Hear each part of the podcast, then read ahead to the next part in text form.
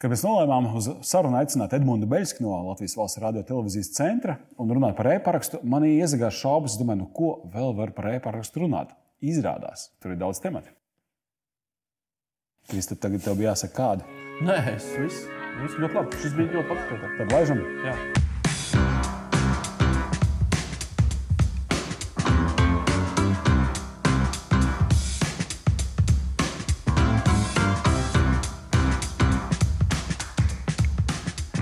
Nepilnu gadu laikā ar Edmundu mēs tiekamies jau trešo reizi. Es atceros, ka pirmo reizi, kad tikāmies, uh, iepazīstinājām ar to konceptu, kas ir e-paraksts.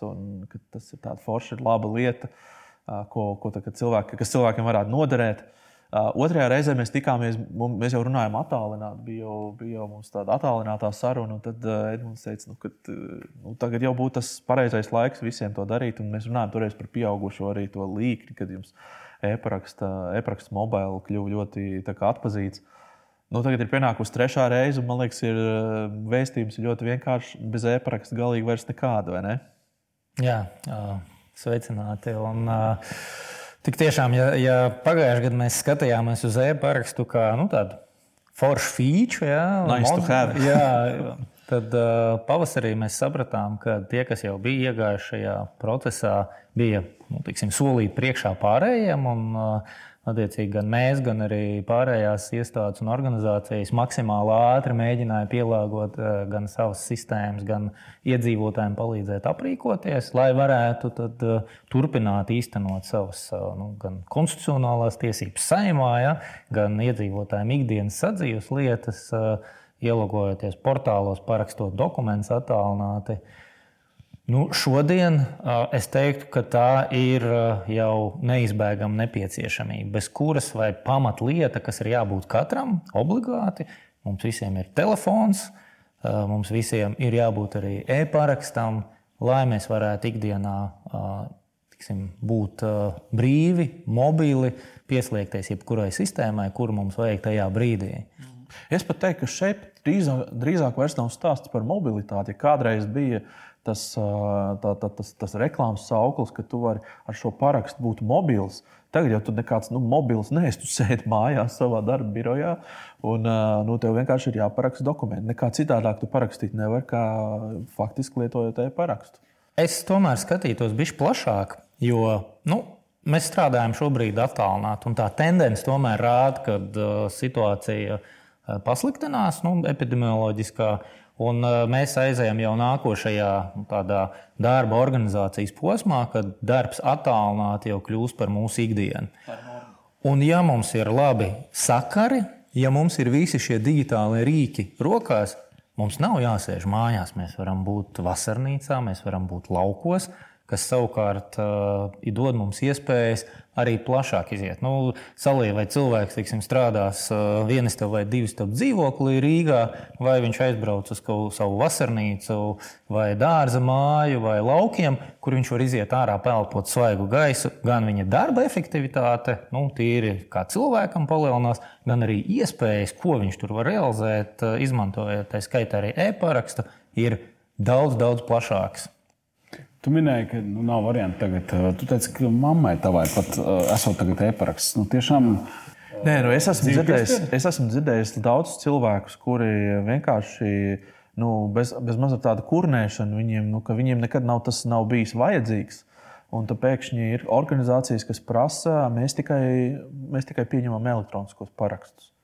Un tad tev gribot, negribot, ir, nu, tu esi pat ne tā kā, bet tu esi spiests iet un, un darīt. Kā ir kaut kāda arī, nu, es nezinu, tas ir droši vien arī no, labi, labi no vienas puses, ka organizācijas spiež kaut kā cilvēkus, pilsoņus. Uh, nu, caur kaut vai mazliet sāpēm un nekomfortu, bet uh, tikt pie tā e-paraksta. Tas droši vien nav tas, kā jūs to bijāt iecerējuši. Bet... nu, es, es teiktu, ka es varētu nosaukt to nevis eh, kas spiež, bet vairāk rūpējās par cilvēkiem. Jo, lai cilvēks varētu klasiskajā veidā aiziet, iesniegt iesniegumu, parakstīt līgumu, viņam ir jādodas uz klientu apkalpošanas centru. Viņš eh, šajā procesā no mājas, transports, sabiedriskās vietas, klienta apkalpošanas, publiskā vieta ir šobrīd esošajā situācijā pakļauts daudziem riskiem. Līdz ar to iestādes aicina izmantot cilvēkam drošāko veidu, arī lētāko pēc būtības, ja, jo e-paraksts, ID kartē un mobilais ir bez maksas. Netērē transportam, neapdraud savu veselību, neapdraud pārējos un tā tālāk. Tā kā, tur ir daudz priekšrocību summā, kas arī veicina tehnoloģisko attīstību. Protams. Es atceros, pirms dažiem gadiem tas bija, kad uh, organizācija, neminēšu vārdā, bet ļoti manāma valsts organizācija Latvijā man atteica, sākumā atteica parakstīt līgumu ar e-parakstu. Viņi godīgi atzina, ka viņi īsti ne, nezina, ko tālāk darīt ar to failu. Viņiem nebija tajā laikā vēl izstrādāta organizatoriskā schēma, kas notiek, kā mēs procesējam šo failu. Es pieņemu, ka šobrīd valsts iestādēs šim vajadzētu būt atrisinātam, ka, ja mums ir līgums, tas ir vai rēķins, vai no kas tas būtu, parakstīts elektroniski, tas glabājas tur tā un tur ir rezerves kopija tur. Jā, nu, jā. Vajadzētu protams, protams. Tas, kad ir valsts iestādēm ir jāpieņem elektroniski parakstīti dokumenti, jau ir nu, jau lēmums ar bārdu, ja tā var teikt. Ja? Un, kas bija nozīmīgākais 2018. gada jūlijas, bija tas laiks, kad valsts pieņēma lēmumu, ka no tā datuma savstarpēji nodrošina tikai elektronisko dokumentu atri. Tas paģēra arī visas šīs tavas minētās lietas, kad Ja jau tie dokumenti ienāk, viņi ir jāsaglabā, viņi ir jāsafailo attiecīgās mapēs, jāsaglabā, jāarhivē elektroniski. Ja? Un, tie izaicinājumi ir nu, pārvarēti, un tā jau ir ikdiena. Es zinu, ka arī ir noteikti tāds process daudzās organizācijās, ka kaut kādas vecos dokumentus, bet kuri pēc likuma vai kaut kāda cita iemesla dēļ ir jāglabā, ka tos uh, padara digitālus. Un arī kaut kā tas viņš joprojām skaitās parakstīts. Nezinu, vai tur nāk jauns e-paraksts virsū vai nē. Kā tas notiek īsti? Vai, vai, vai mēs varam tikt no tām? Es iedomājos tādu tipisku tādu iestādi, kur ir arhīva telpa un tur ir tās mapes un tie plaukti, kurus var bīdīt šurp turp. Tas liekas tik ne, neiedzīgi iztērēts resurss. Vai tas arī ir? Tur ir jāskatās racionālais. Piemēram, mēs skatāmies par eh, kultūras mantojumu digitalizāciju. Mēs to darām, ieguldam līdzekļus, lai viņš būtu pieejams eh, iedzīvotājiem ērtā veidā, ne tikai klātienē, bet arī attālināti. Un, eh, faktiski šogad viss, kas Nacionālā bibliotekā izdarīts, bija daudzus, daudzus gadus tiksim, atpakaļ un tika darīts deva fantastisku priekšrocību sēžot mājās, ne tikai strādājot attālināti, arī baudot mākslu, kultūru, grāmatas, rakstus, ja, ko varbūt pirms desmit gadiem bija jāiet klasiski uz bibliotēku klātienē. Ja. Attiecībā uz elektroniskiem dokumentiem, tie, kas ir parakstīti ar elektronisku parakstu, viņiem arī ir sava noteikta kārtība, kā viņus arhivē un attiecīgi saglabā. Vai vērts 30 gadu vecus papīra dokumentus digitalizēt viņus, jo tas katrā vietā ir jāskatās tiešām racionālais moments. Bieži vien ir īpaši dokumentu saglabāšana, kas ir pēc likuma, man liekas, tur kaut kādi 5, 7 vai 10 gadi tad uh, man liekas, ērtāk ir noīrēt kaut kādu ār, ārpusē, kaut kādu biroju telpu, nu, ne biroju telpu, bet arhīvu telpu, kurā tu vienkārši sagrūdījies iekšā. Bet, zin, kā, bet, bet zin, kā, šobrīd jau līdz šim digitālajam uzrāvienam.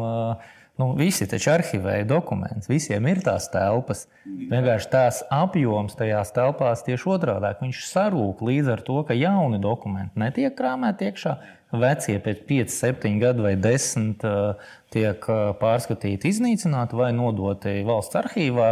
Līdz ar to tās telpas tieši otrādi - samazinās. Starp citu, tu arī kā uzņēm, uzņēmumu vadītājs. Kā tu redzi, vispār mēs arī runājam par tām biroja telpām un to, ka cilvēki brauks tagad uz savām dārza mājām, tur, tur strādāt. Un daudz birojas, starp citu, ir pieņēmuši to jau politiku, kā mēs atļaujam darbiniekiem attālināt strādāt, un tā ir norma, kā tu arī minēji. Kas vispār notiks ar, ar biroja telpām? Tev, ir kaut kāda tāda pašam tāda prognoze. Svarīgākais, protams, ir epidemioloģiskā situācija. Ja viņa normalizēsies, un viņa normalizēsies, kā jebkuras epidēmijas procesā ar vakcīnām vai savādāk veidā ietekme, ietekmes veidiem, kā novērst šo uh, slimības transmisiju. Uh, šīs ieradums, kas tagad bija šī gada laikā, faktiski strādāt attālināti, viņš paliks. Tas ir simts punkti paliks. Vadītājiem, arī departamentu direktoriem, nodaļas vadītājiem, kas ir dažādi līmeņa vadītāji, izaicinājums ir darbu koordinācija. Jo ja agrāk daļas vadītājs ienāca kabinetā, tas strādā, tas strādā, tas strādā, vakarā ir dokumenti sagatavoti, viss kārtībā. Šobrīd ir nu, vajadzīgi cita pārvaldības instrumenti, kā pārliecināties vai veicināt cilvēku šajā attālinātajā darbā, darb, pildīt savus darba pienākumus.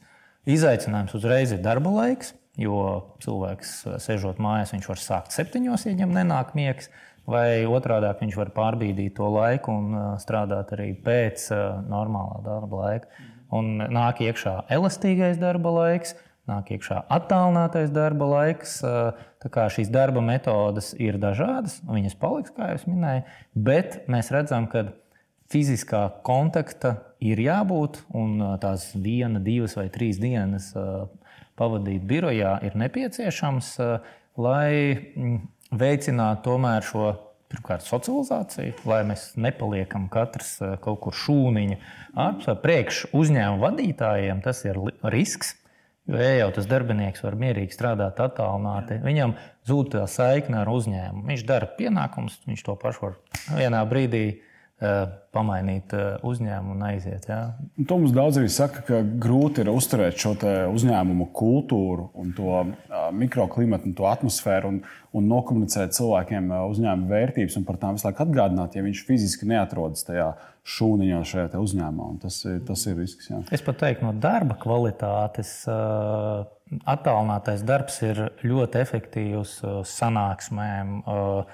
Teiksim, attālini pārslēgties no vienas sanāksmes uz otru, strādāt tādu darbu, kur ir vajadzīgs miers, klusums. Mīnus ir tam, kad, ko mēs pamanījām, ir radošums. Tad, kad ir klātienē, tu jūti dzirkstelītes, ja? tu izmet ideju, tu paķer, es nofinišēju, ja? vai savādākā kombinācijā. Un šis radošums, inovācija ir tas, kas ir vajadzīgs klātienē. Un uh, attālinātajā, īpaši, ka tāds stils ir izslēgt kameru, ja? nu, tu nejūti to klātbūtnes efektu. Es zinu, ka pasniedzēji saka, ka viņiem ļoti grūti ir, ka visi studenti izslēdz kameras un liekas, ka tu runā ar tādu sienu, trīs stundas runā, un tu pajautā, vai tur kāds vispār vēl ir. Un...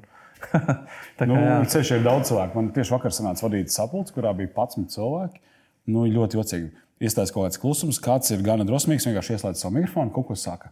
Kāds raksta čatā, lūdzu, vārdu. Nu, viņš piesakās, ka viņš grib pateikt kaut ko. Un es, un es biju tās sapulces vadītājs. Brīžiem bija tāds. Oh. Bet tas neatšķir no reālās dzīves, kur sanāksmē viens uzreiz pārtrauc. Gliežā, otrs. Kā audzināts. Kā tur reparaksts eh, arī tajā dimensijā kaut kādas lomas spēlē, nezinu, kaut kāda identitātes apliecinājums attālinātajā komunikācijā? E, jā, jā, viens, ko mēs redzam, un arī uh, pirmā tiksim, pavasara Covid laikā, piemēram, e-saima. Jo e-paraksts un e-identitātes apliecināšana ļoti svarīga tajās vietās, kur ir jābūt simtprocentīgai pārliecībai par to cilvēku, kurš ir pieslēdzies sanāksmē. Jo uh, tiek pieņemti lēmumi, tiek pieņemts arī, ja nešaubos, viņi arī balso atklātajā, tad tu vari redzēt uzreiz savu balsojumu.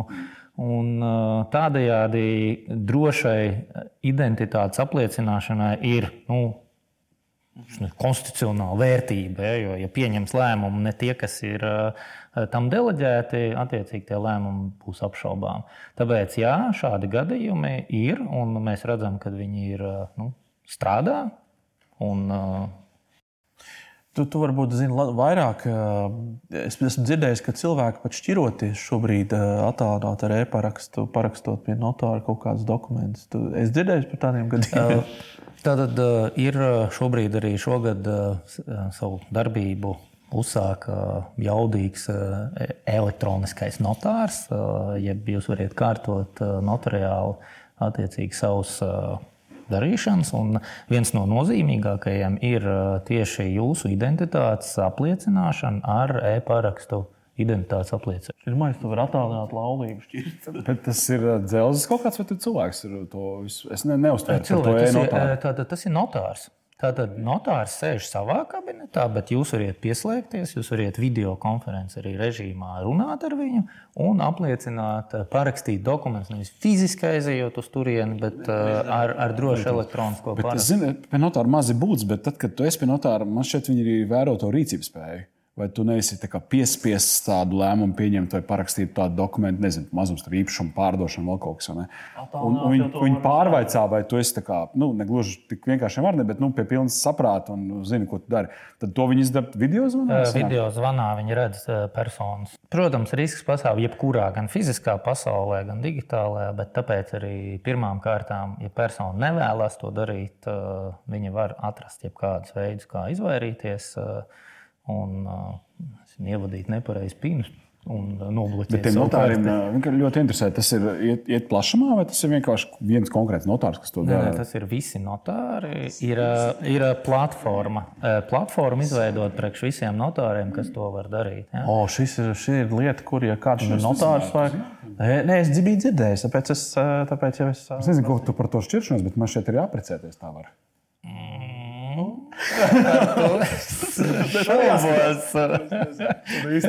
Bet, uh, es lasīju vienu pētījumu, kurā bija teikts, kas man arī drusku sašokēja. Bija, ka Latvijā esot 10% cilvēku, kuri kur vispār nelieto internetu.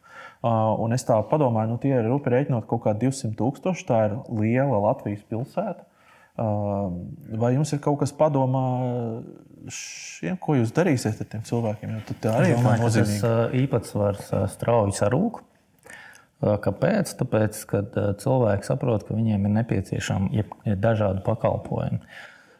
Ir vēl, nu, vasarā bija atvērti arī klientu apkalpošanas centri dažādās iestādēs, bet mēs redzam, ka nāk atkal vilnis, kad visi sāk slēgt cieties un pāriet uz digitālajām. Uh, Tāpat tas pats PMLP, uz pierakstu tu vari atnākt, un tā iespēja kritiskajās vietās ir cilvēkiem dod iespēju, ka viņi arī var fiziski tomēr to darīt. Bet nu, uzņēmuma reģistrs jau kādu laiku vispār.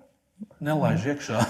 Klienta apkalpošanas centrs ir slēgts. Un, un, un, un bija arī saruna ar Pēteru par to, ka faktiski digitāls ir praktiski viss Latvijas nu, tiksim, trešo valstu dokumenti, kas ir uh, personas uzņēmumi, kur, kur uh, tiksim, no austrumiem šie e-paraksti viņai ja nav atzīti Eiropas Savienībā, nav savstarpēji atzīšana. Līdz ar to tur parādās uh, papīra veidā iemests pastkastītē. Bet arī tur tiksim, mums bija diskusijas starp uzņēmumu reģistra notāriem un e-parakstu komandu, kas būtu tas līdzeklis, kā padarīt digitālu arī viņu caur notariālu apliecinājumu un ielaist digitālajā plūsmā. Ja? Līdz ar to tas īpatsvars sarūk, un viņš sarūks loģiski. Jo mēs redzējām, kā ar banku, tiksim, internetu banku lietošanu cilvēki. Nu, viņiem vajag pārskaitīt līdzekļus, viņi arī nu, pierod pie tā. Šobrīd ir jāpierod pie mazliet savādākas procedūras, bet viņi ir vienkārši ērta un ļoti noderīga. Jā. Es atceros, vienā konferencē liels Latvijas bankas pārstāvis par drošību bija temats. Interesanti lieta pateica, ka kādreiz, kad tu e, mēģini ielāgoties internetu bankā, un tu redzi, ka tā darbība ir ļoti lēna, bet strādā. Bet kaut kā viss notiek lēnāk. Viņš teica, iespējams, tajā brīdī notiek uzbrukums, kiberuzbrukums, bet mēs spējam to nokopt. Sistēma strādā lēnāk, tu to bišķi tā kā jūti, bet joprojām viss strādā. Vai eh, kontekstā ar e-parakstu ir tāda novērojuma par kaut kādiem ļaundariem, kas eh, mēģina nezinu, kaut kādā veidā ietekmēt sistēmas, tās sagraut vai zakt identitātes vai kaut kas tāds? Neminot varbūt konkrētas lietas, lai neizietu nu, konfidenciāla informācija ārā, bet tīri vai tas vispār notiek? Vai tāda lieta ir teorētiski arī iespējama? Tad eh, līdz šim neviens e-paraksts nav uzlausts un tiksim, tā, kompromitēts kur mēs redzam galvenā problēma, kas ir jebkurā identitātes, vai tā ir internetbanka vai jebkāda cita, tā ir sociālā inženierija, kur cilvēks atdod savus PIN kodus, karte. Ja? Nu, ID kartes gadījumā tas ir. Nu, es nezinu tādas situācijas, ka tā ir izdarīts, bet tā ir cilvēka apzināta vai neapzināta nodošana savu nu, sensitīvo šo datu kodu kādai trešai personai.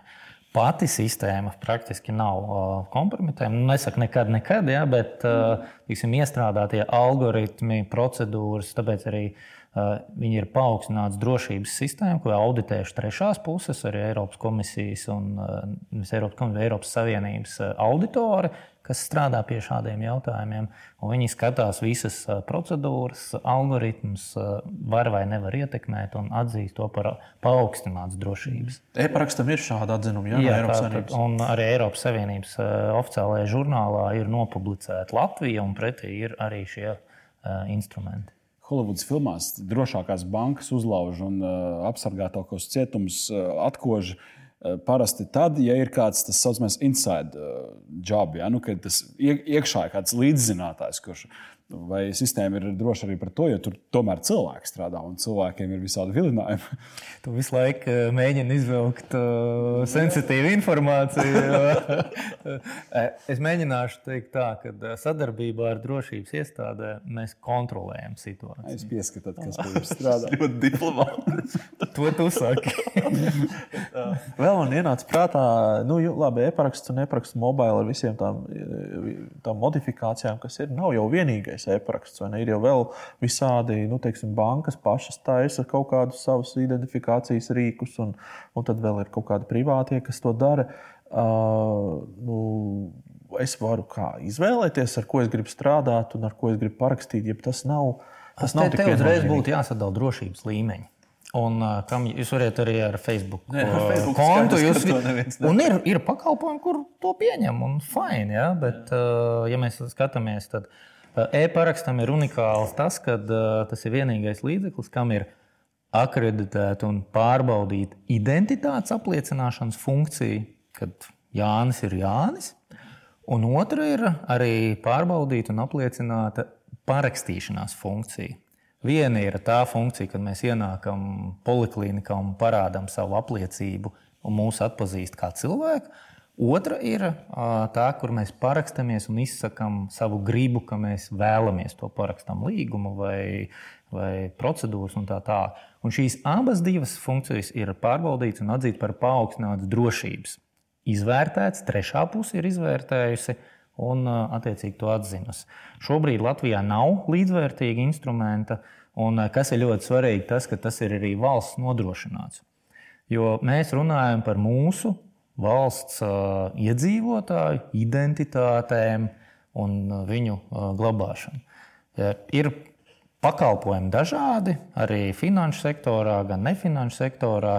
Dažās Eiropas valstīs ir desmitiem tādi paraksti, ja?